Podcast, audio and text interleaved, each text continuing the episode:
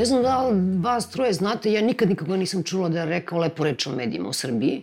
Ni Vučić, koji je u stvari izrazito ljut na medije, a s druge strane i koliko sam mogla da pratim izveštaje organizacije međunarodnih i domaćih Freedom House, Amnesty International, Reportere bez granica, Evropsku komisiju, sva udruženja novinarska ovde, svi su imali jako ozbiljne primetbe na tom što se dešavalo sa medijima u poslednje dve, tri godine.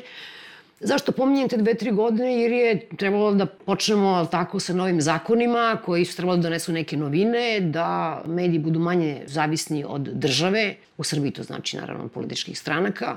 Međutim, nekako se desilo zapravo da u godinama kada su počeli da se primenjuju ti zakoni, da su svi zabeleženi nazadovanje u medijskim slobodama u Srbiji. Kako u stvari sistemski država preko sad različitih svojih oblika uspeva da finansijski kontroliše medije ili u svakom slučaju da mediji dalje budu u velikoj, ogromnoj finansijskoj zavisnosti, bez obzira što smo obavili privatizaciju velikog broja medija i bez obzira što smo prešli na takozvano projektno sufinansiranje, koji je samo po sebi kad čovjek pogleda nije loše kao neka ideja, ali koje je, sudeći po izveštajima koje sam čitala, koje ste i vi pravili pre svega, je pretvorno u sobstvenu karikaturu na neki način. Kako biste vi vas troje okarakterisali, recimo, ne proces privatizacije? Da li uopšte neko je analizirao šta se tu desilo? Ko je kupio? Za koliko je kupio? Da li je mogao da kupi? Da li je došlo do koncentracije? Da li je povezan interesno sa vladajućom strankom, opozicijnom strankom, nema veze? Jer mi imamo utisak da to jednostavno je tema koja je potpuno ad acta, da niko o tome nema nikakve, ni podatke, ni tih traži ostalo. Srbija je 2014. godine, zapravo zahvaljujući upravo medijskim zakonima, doživjela neki rast na tim lesticima koji istražuju medijske slobode i činjenica je da dve godine posle imamo jednu potpuno suprotnu situaciju od one koje smo očekivali, da su medijski zakoni doveli do toga da imamo izuzetno visok pad medijskih sloboda. Privatizacija medija u Srbiji ostavila pusto polje i postoje bezbrojni dokazi da su novim vlasnici medija ljudi veoma bliski vladajućim strankama, znači uglavnom tajkuni bliski Srpskoj naprednoj stranci i ono što je još više porežavajuće jeste činjenica da su u velikom broju slučajeva kupili te medije državnim novcem upravo kroz platformu konkursnog sufinansiranja. Jedan koji je izazvao neku vrstu pozornosti jeste slučaj Radovice Milosavljevića, ali evo sad ovih dana se dešava još jedan slučaj. Radio Suboticu je kupio uh, jedan lokalni biznismen blizak Srpskoj uh, naprednoj stranci koji pokušava zapravo kroz kupovinu Radio Subotice i još nekih TV stanica na lokalu da napravi malu mrežu SNS medija na severu Vojvodine. Bolna tačka mi je Radio Šid. To je nevjerovatno da je Radio Šid prodat za pola miliona evra, ali tako? Da. Da je plaćen deset puta više nego što je njegova procenjena vrednost. A da je Studio B, radio televizija Studio B, koja opet ima tako i tržište, Beograd, milionski grad, prodat za manje novca. Pitanje je šta se prodavalo, ako ne grešim, uz Radio Šid je išla neka distributivna mreža. I kablovska distributivna kablovska mreža, da. distributivna mreža. Dosta je čudno da je ovaj Radio Šid sa sve svojim kablovskim sistemom dostigao toliku cenu, mada uz paradigmatičan slučaj Radojice Milosavljevića treba imati u vidu da je Radio Šid kupila Copernicus Cable Network. Oni su uz to kupili i radio televiziju Jagodine, tako da je to isto jedna mini mreža nova koju smo dobili, a vlasnica e, Studija B je vlasnica Maxi Medije koja takođe ima nekoliko radijskih stanica lokalnih u svom vlasništvu. Dakle, ključna stvar ove privatizacije, ja mislim, bila bukvalno to da se uvede jedna vrsta male koncentracije medijskog vlasništva na tržištu, a uz to ta privatizacija je rađena u trenutku da se napravi infrastruktura za izbore. Vi ćete videti sada, pojavljuje se u javnosti informacije o tome kako Radojica Milosavljević zapravo nije platio te televizije. Kako ljudi koji tu rade ne dobijaju novac. Njemu su znači ti mediji gabaritni, on, oni ne zarađuju novac, oni nisu tu da bi tržišno poslao, oni su verovatno bili tu da završen posao kada je trebalo napraviti tu mrežu za, za izbore i sad je pitanje šta ćemo dalje s tim. Radovica je imao zapaženu ulogu i na jugu Srbije, između ostalog. Tu sad imamo i onaj televiziju i radio Caribrod, znači Dimitrovgrad. Ja mislim da je televizija Pirot takođe na, na spisku njegovih televizija, ali kada sam razgovarao sa predstavnicima međunarodnih nekih organizacija koje su se bavile, ti si ih malo čas navela i Freedom House i brojne druge, i onda su često ljudi otvarali pitanje vlasništva u medijima. generalno moj zaključak je, bar što se Juga, Juga Srbije tiče, da tu nije bilo spornih situacija, nije bilo medija gde se ne zna ko je vlasnik. Ja ne znam, možda jedna, jedan ili dva medija za koje se nije znalo ko stoji iza njih. Dok sada, nakon privatizacije, se otvara pitanje ko je kupio te medije. Od priče o Radovici, imali smo govoren sastanak sa Batom Gašićem, bivšim ministrom odbrane, koji u to vreme nama dat e, kao čovek koji treba da, da odobri nešto što smo mi hteli tokom izveštavanja u izbornoj noći da radimo. Pa niko ne sme da odobri, mora Bata Gašić. Ona se dočeka u televiziji Zona. Zona Plus, za koju se govori da je on vlasnik, zapravo je njegov sin, 21-godišnji. Sin je formalno vlasnik, ali je iz te kancelarije pre nas izašao Radojica. Dok smo čekali da na razgovor, ljudi iz tehnike televizije Pirot, oni su došli u stvari zato što objedinjeno nabavljaju opremu. Kod mene se rađa sumnja da je zapravo to povezano. Mi imamo svedočenja novinara koji su zaposleni u medijima koje je kupio Radovice Milosavljević, koji tvrde da je upravo Gašić dolazio i s njima zapravo pregovarao o platama, znači da je po njihovom mišljenju Gašić zapravo pravi vlasnik eh, tih medija, a podsjetit ću vas da je bilo recimo u radio televiziji Pančev nekoliko hrabrih novinara koji su imali smelosti da izađu u javnost, da je njima nuđeno da se učlane u Srpsku naprednu stranku ukoliko žele da sačuvaju poziciju, odnosno zaposlenje. Samo ako mogu da kažem, 90. godina to može se pronaći interesantni podaci u onim presretnutim razgovorima Miloševića. Vidi se da je bila državna politika da se osnivaju brojne radijske i televizijske kasnije stanice po celoj Srbiji, e, državna politika da se zapravo isključi mogućnost uticaja nezavisnih radijskih stanica tada okupljenih u, u mreži Anema i mislim da je ovde situacija bila zapravo slična. Da su mnogi od tih medija kupljeni samo zbog toga da bi se sprečilo da eventualno novi vlasnici budu neki ljudi koji su neprijateljski raspoloženi prema samoj vlasti, a da e, je sudbina mnogih medija u velikom pitanju, neki su iskorišteni samo za izbore, e, neki već vidi se da se ide ka njegovim gašenju, ali u svakom slučaju neki pokušaj da se medijska scena kroz određene tajkune kontroliše od strane, od strane vlasti. Ali sve u svemu mi imamo manje i više e, skoro jednostranačku medijsku scenu posle privatizacije. Izuzev naravno, naravno alternativnih medija koji su uglavnom online. Ja mislim da ovde, izvini, treba reći da je zakon zapravo predvideo nekoliko korektivnih mehanizama u, u tom procesu privatizacije koji su svi zakazali. Recimo, uprava za sprečavanje pranja novca je trebalo da proveri buduće vlasnike. REM i Ministarstvo za kulturu i informisanje su trebali da proveravaju koncentraciju na tržištu elektronskih, to je štampanih medija. Predviđa se da novi vlasnici moraju neki novac dodatno da uložu u medije da bi ih osnažili, da se pet godina očuva kontinuitet proizvodnje medijskih sadržaja, uređivačke politike, uređivačke koncepcije i tako dalje. Svaka od ovih instancija je rekla ne, mi nemamo problema. Možete, idite dalje u privatizaciju, ugovori su u redu. Ko će sada da proverava da li ćemo mi narednih pet godina imati Što se tiče kontinuiteta, evo jedan paradoksalan primjer Radio Subotica, opet sam spomenuo. Radio Subotica je imala, emitovala program na dve frekvencije. Jednu frekvenciju je bila pod veoma sumnjivim okolnostima pozajemila od radio televizije Vojvodine i emitovala je na tom drugom programu isključivo program na mađarskom jeziku. Potom je ta frekvencija opet e, pod nerazjašnjenim okolnostima e, pripalo RTV Panon, koja kontroliše Savjez Vojvodinskih Mađara, preko nacionalnog savjeta. I sada imamo situaciju sledeću, da radio Subotica, koja je na dve frekvencije emitovala program na tri jezika, sada bi morala da zadrži kontinuitet na samo jednoj frekvenciji, što je tehnički nemoguće, jedino ako je moguće zipovati dve frekvencije u jednu. Znači, već sada je jasno da tih pet godina kontinuiteta će na najdrastičniji način biti nepoštovano, pogotovo i ovde problematičan slučaj ili program na jezicima nacionalnih manjina. Hoću da kažem da je potpuni raspad sistema i po svim osnovama i svi faktori u čitavom ovom procesu sprovođenja medijskih zakona su zapravo zakazali. Ima slučaj iz Niša gde je zakon kaže da ponuđač na konkursu ne može da bude preduzeće koje se finansira iz javnih prihoda gde niko nije znao da nam odgovori, ni ministarstvo privrede, nik, nik, niko nije znao da odgovori prvo šta se podrazumeva pod tim da se ne finansira. U kom procentu? Da li je dovoljno da dobio 1000 dinara uplatu za neki oglas iz grada i da se kaže ti se finansiraš ili to treba da bude preko 50% prihoda? Šta znači da se neko finansira iz javnih prihoda? Ili 100%? S druge strane, nisu definisani javni, javni novci. Koji su javni prihodi? Nišku televiziju, javno preduzeće Niška televizija, je kupio konzorcijum koji su činile Narodne novine, privatni mediji, i Slađana Ostojić, koja je glavni direktor i glavni odgovorni urednik televizije Zona u Nišu. A inače vlasnik Narodnih novina, istovremeno i vlasnik televizije Bela Mi. Don Vitko Berlusconi, nekako ga čovjek zove. je institucija.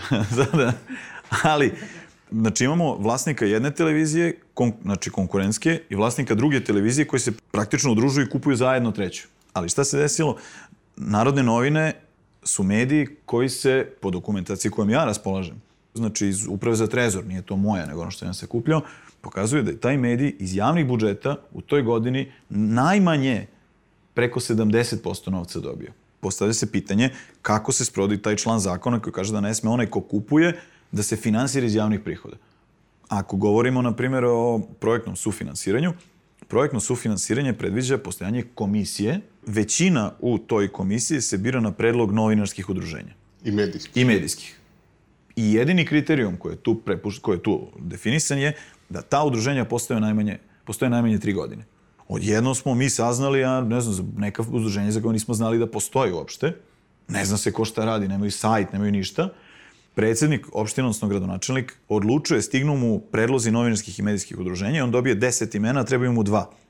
Ne postoji kriterijum koji njemu, njega obavezuje da izabere nekog na osnovu iskustva, na osnovu biografije ili bilo čega. Čak nije bitno ni koje udruženje ga je predložilo. Sad imate najveća nacionalna medijska i na- i novinarska udruženja predlažu ljude, a ovi izaberu nekog za kog mi ne znamo uopšte ko je, niti smo čikada čuli za udruženje. S druge strane, onaj jedan ili dva člana komisije dolaze, zakon kaže, iz reda nezavisnih medijskih, i tu naravno nema kriterijuma. Ko je nezavisni medijski stručnjak? Da li je to profesor ekonomskog fakulteta, da li je to neko ko je završio DIF, a radio kao novinar ili je bio vlasnik medija ili, nemam pojma, znači dugo gleda televiziju pa je ekspert. I sad dodatni problem je što zakon kaže da članovi komisije ne smiju da budu javni funkcioneri i ne smiju da budu u sukobu interesa. Javni funkcioner, znamo šta je, postoji zakon o agenciji za borbu protiv korupcije koji to definiše, ali sukob interesa ne definiše ni jedan jedini zakon u Srbiji. Definiše ga zakon o agenciji za borbu protiv korupcije, ali samo u kontekstu javnih funkcionera. Znači, samo javni funkcioner po tom zakonu može da bude u sukobu interesa, a ne i običan građanin. Jer zakon nije predvideo mogućnost da vi budete u komisiji nekoj. I onda mi imamo situaciju u nekoliko gradova, ja sam bio u komisiji u Boljevcu, gde je bila žena, na primer, koja tokom ocenjivanja projekta mi saznamo, nas dvojica, da je ona dopisnik, aktuelni dopisnik jedne od, jednog od ponuđača. Ili u Nišu, gde je članica komisije bila zaposlena u dva medija koji učestvuju na konkursu. I s druge strane, nejasno je, pokazalo se, da li je mišljenje komisije obavezujuće za ono ko naručuje, ko raspisuje konkurs. Jer smo imali slučaj ministarstva kulture, gde je ministar, kada je dobio predloge komisije, rekao, meni se ovo ne sviđa, ja mislim da ste vi pogrešili i sam preraspodelio sredstva. Tužili smo, Južne vesti su tužile ministarstvo, čekamo sad da vidimo šta će tu biti, ali hoću da kažem, kad imate, jednu, kad imate jednačinu sa toliko nepoznatih, onda onaj koji je u poziciji vlasti, poziciji moći, može da sprovodi ono što on misli da treba. Nama su ostavljeni neki mehanizmi, ne znam, upravnih sporova. Pre nekoliko dana je bilo prvo suđenje za, po našoj tužbi iz aprila prošle godine. Prvo suđenje. Konkurs je sproveden, projekt je realizovan i potrošeno 70 miliona. Šta smo uradili? Tu neki mediji su mogli da propadnu za to vreme ili šta god. Ali ako vi imate, kao što je to u Beogradu, kao što je to u Novom Sadu, ako imate da najreprezentativnija udruženja novinara, medijska udruženja predlažu kandidate, a oni u komisiju izaberu predsednika udruženja sportskih novinara Beograda ili asocijaciju elektronskih medija Vojvodine, znači organizacije za koje niko nije ni znao da postoje pre nego što je krenuo proces konkursnog sufinansiranja. Znači uvek će pronaći neke mehanizme kako će iz, izvrdati zakon ako oni, oni to hoće. Čitav ovaj proces od donošenja zakona pa do danas, je pratilo neverovatno prebacivanje odgovornosti sa institucije na instituciju. Recimo, da postoji neusaglašena praksa da li e, mediji da plaćaju PDV na projekte, pa u pojedinim lokalnim samoupravama poreske uprave su to tumačile da ne treba, a u pojedinim da treba. Mi smo u Beloj knjizi utvrdili da u 85% slučajeve došlo do nepravilnosti na lokalnom nivou prilikom sprovođenja konkursnog sufinansiranja. Kada smo pitali Ministarstvo kulture i informisanja ko je zapravo zadužen da sprovodi zakonitost, oni su nas uputili na Ministarstvo državne i uprave i lokalne samouprave da bismo od njih dobili zvančan dokument u kojem oni kažu da je zapravo za zakonitost zaduženo Ministarstvo kulture i informisanja pokazalo se da je država ima loše namere u ovom svom procesu, a pritom se pokazuje i neverovatna nefunkcionalnost ove države, odnosno nemogućnost kapaciteta da sprovede, sprovede zakone. Treba ovaj model konkursnog finansiranja nekako sačuvati i gledati da se on ovaj upodobi i, i da zapravo dobijemo ono što je i zakonom i njegovim vrednostnim određenjem zapravo je bilo pretpostavljeno. Dakle, da se smanji uticaj nosilaca vlasti na medije, da se novac koji građani od, odvajaju za informisanje zapravo raspodeli prema najvišim profesionalnim standardima i za programe koji zaista unapređuju javno informisanje. Informisanje manjinskih grupa,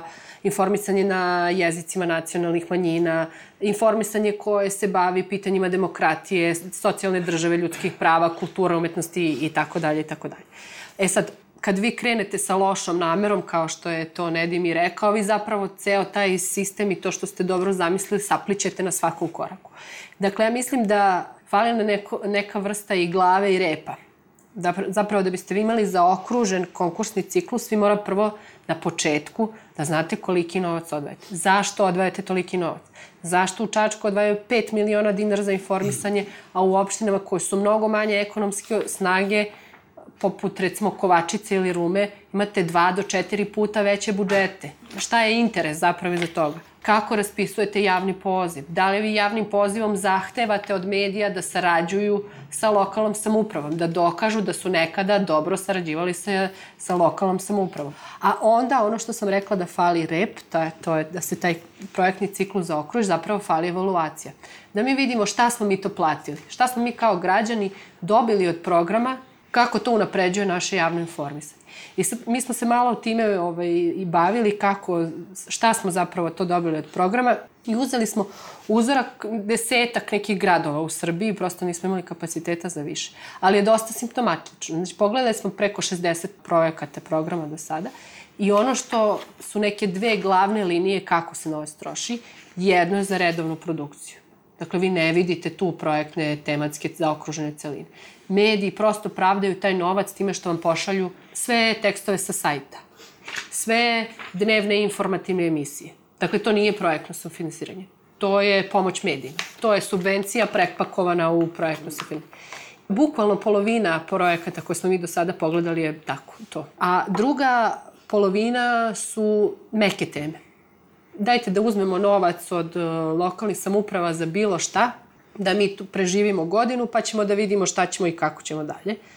I onda su to krajne nekontroverzne priče o selu, o mladima, o ekologiji, o prirodi i, i tako dalje i tako dalje. Ili dobijemo prikrivenu promociju lokalne vlasti kroz informativne programe ili dobijemo programe koji suštinski su ok, ali ne unapređuju bitno naše informisanje, niti nama pomažu da dobijemo baš te koordinate šta se tu oko nas dešava, kako mi da učestvujemo u političkim procesima, kako nas mediji kapacitiraju da mi možemo da u informacijama koje su pravovremene, da mi možemo da učestvujemo u političkim procesima, da ne kažem da ih kreiramo ili da ih iniciramo kao građani. Meni je zanimljivo, one slučaje, mislim da sam kod vas videla Smedereva. Jeste, to je zapravo jedan od najlošije izvedenih projektnih ciklusa. I mislim da je to posledica pre svega Smederevske uprave i njihove gradonačelnica. Ona je, ima već dugu istoriju vrlo loše saradnje sa medijima. Iz onoga svega što smo uspeli da vidimo, lokalni mediji od, od te lokalne samouprave, gradske uprave njihove, jako veliki pritisak trpe. Znači, najlošiji programi koje smo uspeli da uzmemo ovih deset gradova su zapravo bili iz Smedereva. A ni, ne mali novac je potrošen, mislim preko 20 i nešto miliona dinara. Ali to je ono, program, pratimo Vučića koji pali pra, peć, pa ga, pe, Vučića koji da. gasi peć, pa je bila onda Zorana Mihajlović. Oni baš onako imenuju funkcionere tako, koje prate tako. i izveštavaju tako, o njihovim uspesima. Tako, ja? tako je, da, i gradonačelnica koja je Vučić na lokalu, mislim. Sada ako pogledamo novac koji se izdvaja, na primjer u Niša, novac je iz gradske kase počeo prvi put za medije da se izdvaja nakon što, je privati, nakon što su privatizovane narodne novine. I to je isto zanimljiv slučaj bio gde su prodate, ako dobro pamtim, 2006. za 180.000 evra, a onda im je Skupština grada isplatila bespovratnu pomoć od 200.000 evra odmah narednog meseca. Uglavnom, tada je počela isplata novca iz budžeta i od 2008. do 2014. godine između znači, 12 i 20 miliona dinara godišnje se izdvajalo za medije.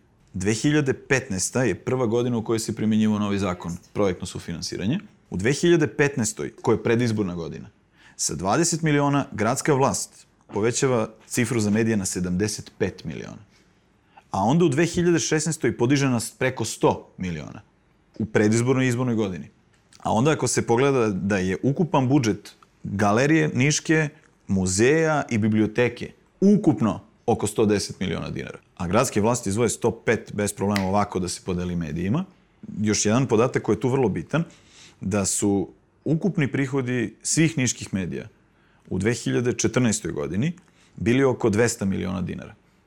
A da je po podacima Uprave za trezor samo su direktni i indirektni budžetski korisnici, to su opštine, gradska uprava, klinički centar, EPS, pozorište, galerije i tako dalje, znači nisu javna preduzeća. Medije mu platili minimum 120 miliona dinara od tih 200.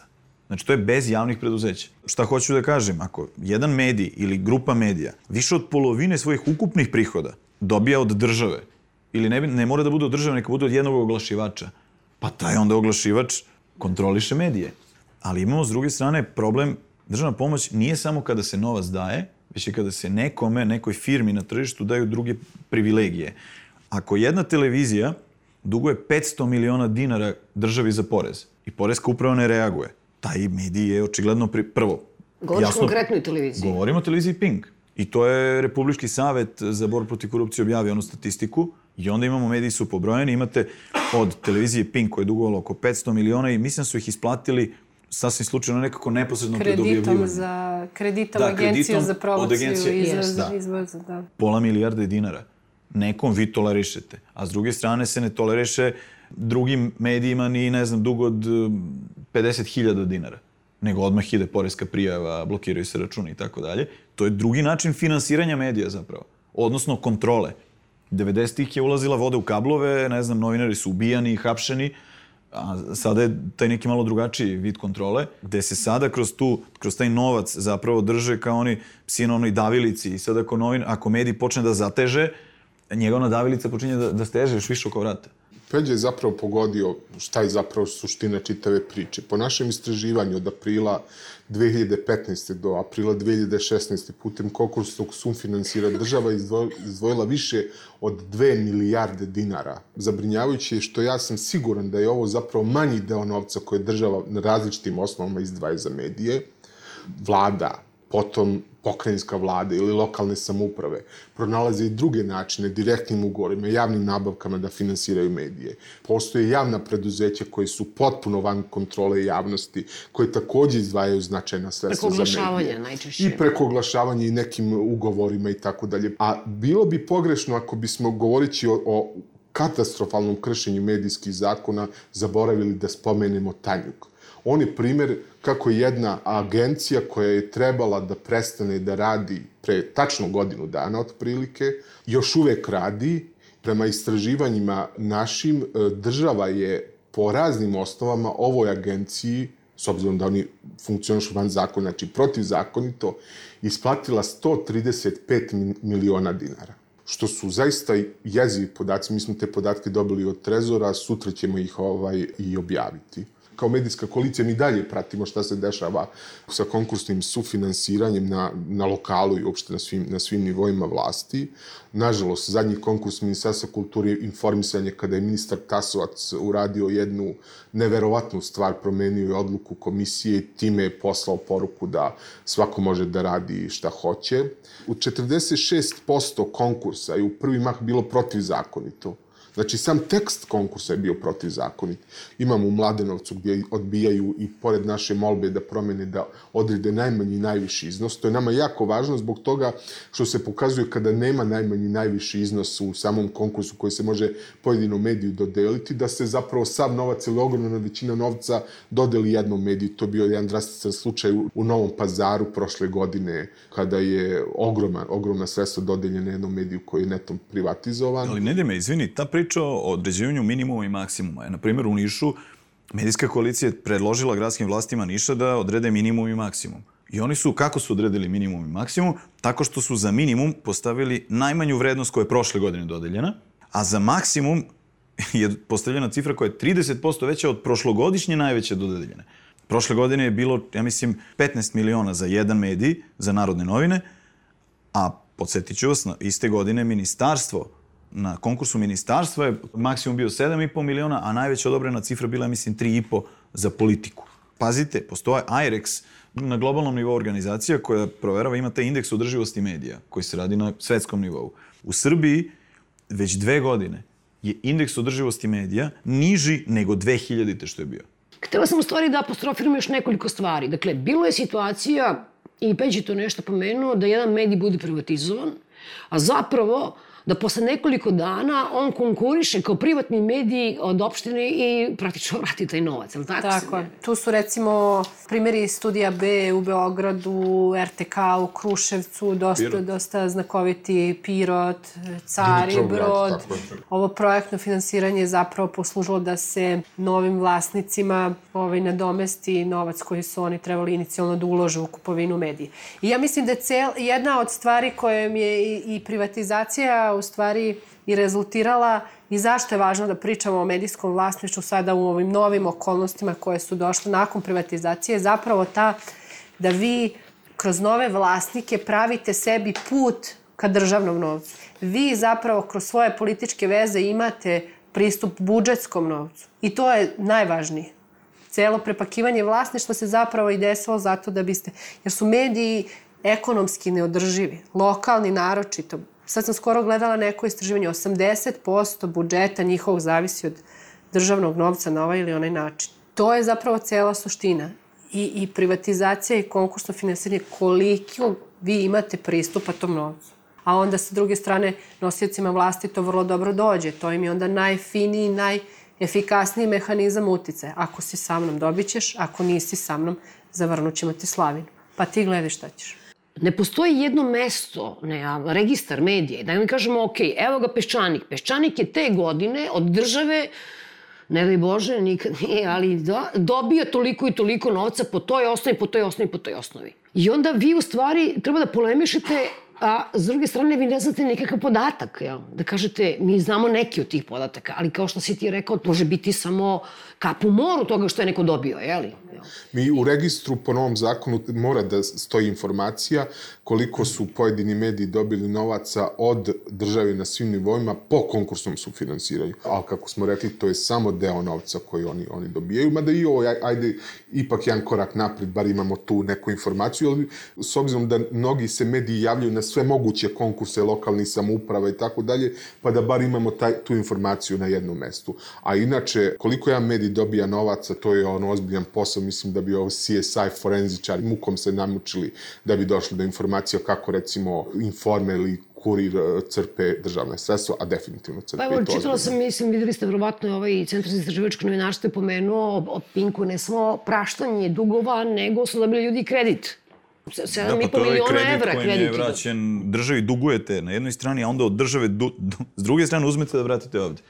I vi ste kao rešili više ne dugujete sad za porez, sad je to dug za kredit. A, najveći iznos isplaćen ovaj, za pojedini mediji na svim nivoima je e, radio televizija Novi Pazar koji je kupio čovek koji je blizak Rasimu Ljajiću. On je dobio na jednom konkursu čak 151 milion dinara. Ali ja mislim da je, da je važno tu da, da, da naglasimo koliko je važno da taj registar medija proradi. Da proradi to jedno mesto, nek to bude registar medija ili neko drugo mesto, gde ćemo mi dobiti celovitu informaciju. Prvo, koliko se novca troši. Znači, paradoksalno je da medijska koalicija kao udruženje medijskih i novinarskih organizacija ima bolje podatke o tome kako se sprovode konkursi na lokalu, a da to ne zna ni Ministarstvo državne uprave, lokalne samouprave ili Ministarstvo kulture. Da je ta količina novca uvek nešto sa čime se manipuliše. Da li je to 2 ili 5 milijardi.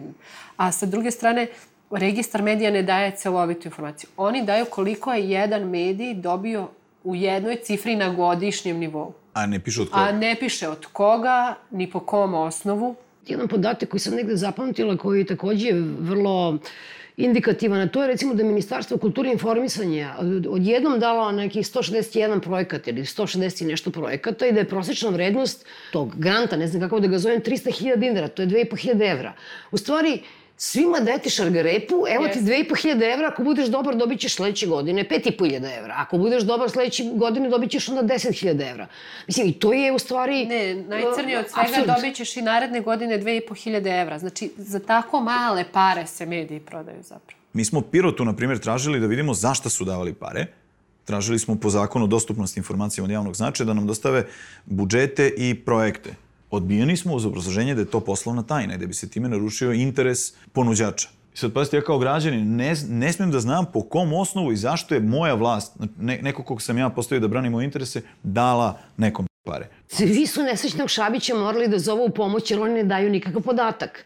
A sada zamislite tu situaciju koja nije teško zamisliti da će gospodin Šabić, koga, neće koga biti. neće biti na tom mestu, da li će ovi dozvoliti da uopšte se pojavi jedan čovek, neko ko će zapravo koristiti svoje ingerencije da ih natera da ponekad daju nekakvu informaciju, a ne da plate kaznu opet iz iz budžeta. Savet za borbu protiv korupcije do informacije dolazi pozivajući se na zakon o dostupnosti informacija od javnog značaja i žaleći se povereniku kada ne dobije informacije. I često ih ne dobije. I to nisu oni jedini državni organ koji ne može od drugog državnog organa. To kad pogledate one poverenikove godišnje izveštaje, vama je jasno da, da, da i tu ima isto ovaj, potpuno prekida komunikacija između dva državna organa. Meni je zapravo ta situacija koju ste vi opisali jedna od ono najvećih boja, bojazni. Na svakom koraku svaki dostignuti nivo prava koji smo imali zapravo se vrlo, vrlo lako sruši to je ta jedna šizofrenija. Ja se plašim da ćemo mi paralelno pregovarati sa Evropskom unijom, baviti se tim pregovaračkim poglavima, akcijnim planovima, a da će situacija biti sve gora i gora. Možda za jedno, dve godine, ako se budemo našli u ovom istom sastavu, možda ćemo se sećati ovog vremena sa nekom vrstom nostalgije. A medijska politika koju vodi vlada Srbije podsjeća na onu politiku kada su članovi stranke iz koje je proistekla današnja vladajuća stranka u okruženju držali neke gradove i bacali granate na njih pod naredbom raspameti. I mislim da ovo što sada mi preživljamo jeste zapravo raspamećivanje i to jedno sistemsko i dobro smišljenje raspamećivanje gde će građani i ne samo građani nego čak i ljudi koji se malo razumeju u stvari politike biti potpuno izgubljeni i beznadežni sa jedne strane ono anestezirani, a sa druge strane u stalnom stanju neke permanentne straha, uzbune, biće državni udar, biće ovo, biće ono, šok za šokom i vi onda u tim stalnim nekim proizvodnji tih veštačkih afera zapravo treba da, da razlučite šta je informacija, a šta je dezinformacija.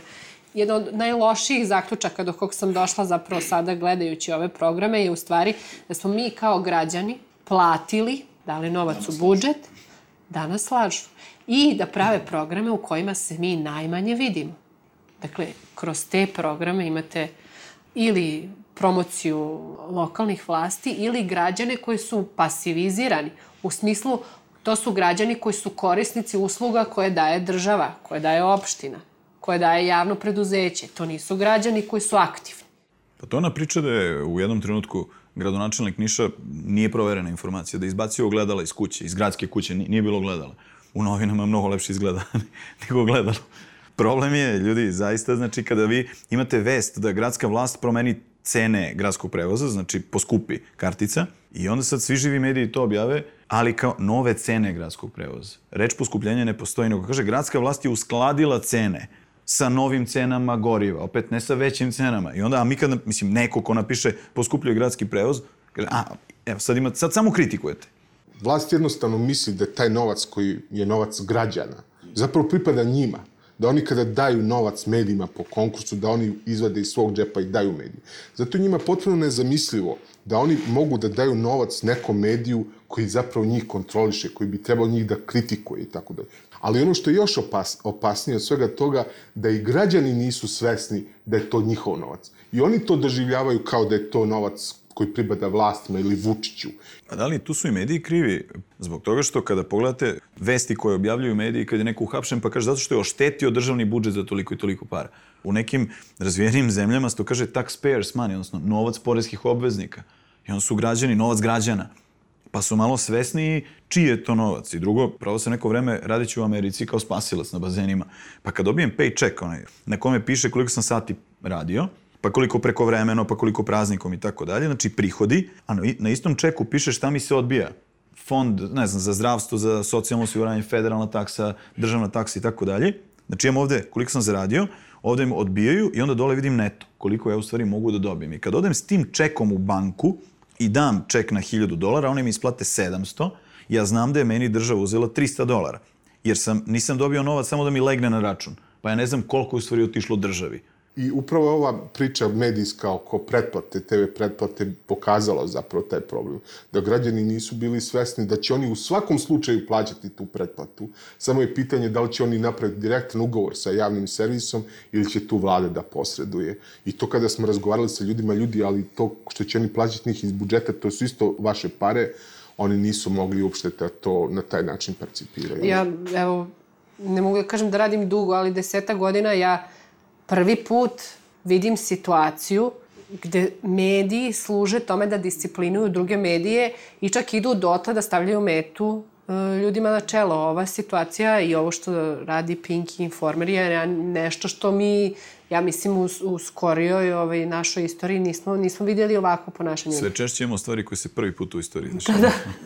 Važna stvar koju ste u stvari istakli, to je da, da ni medije ne treba u ovom celom procesu, pogotovo u ovom projektnom finansiranju, apsolutno ih ne treba amnestirati. U trouglu toga kako e, se ponaša vlast, kako se ponašaju komisije, kako se ponašaju medije, zapravo možete u nekim slučajevima da vidite vrlo dobro razrađen koruptivni mehanizam koji ide na ruku svima. Neki mediji će, u, u, zahvaljujući projektnom finansiranju, da opstanu. Neko će da dobije platu da živi. Sad, da li je taj uradio nešto što je zaista u javnom interesu, da li je pokrenuo neke nove teme, da li je otvorio neke afere, to nije važno. Važno je da postoji i da su neki ljudi tu dobili platu. A šta ćemo za dalje, to ćemo da, da vidimo. Znate koliko je veliki medijski mrak u tim velikim gradovima ili tim nacionalnim medijima. Mnogo je veći na lokalu i tu se zaista dešavaju neverovatne stvari, pogotovo u malim sredinama koje nikog nema ni da primeti, a kamoli da javno, javno reaguju. Činjenica je da za sve te slobode, demokratiju ćemo se morati na kraju sami izboriti, da ne trebamo to svakako od vlasti da očekujemo, niko to od njih ne očekuje, ali ni od međunarodne zajednice. Na kraju će to, ako hoćemo da se ne, nešto uradimo, morat ćemo to sami da uradimo.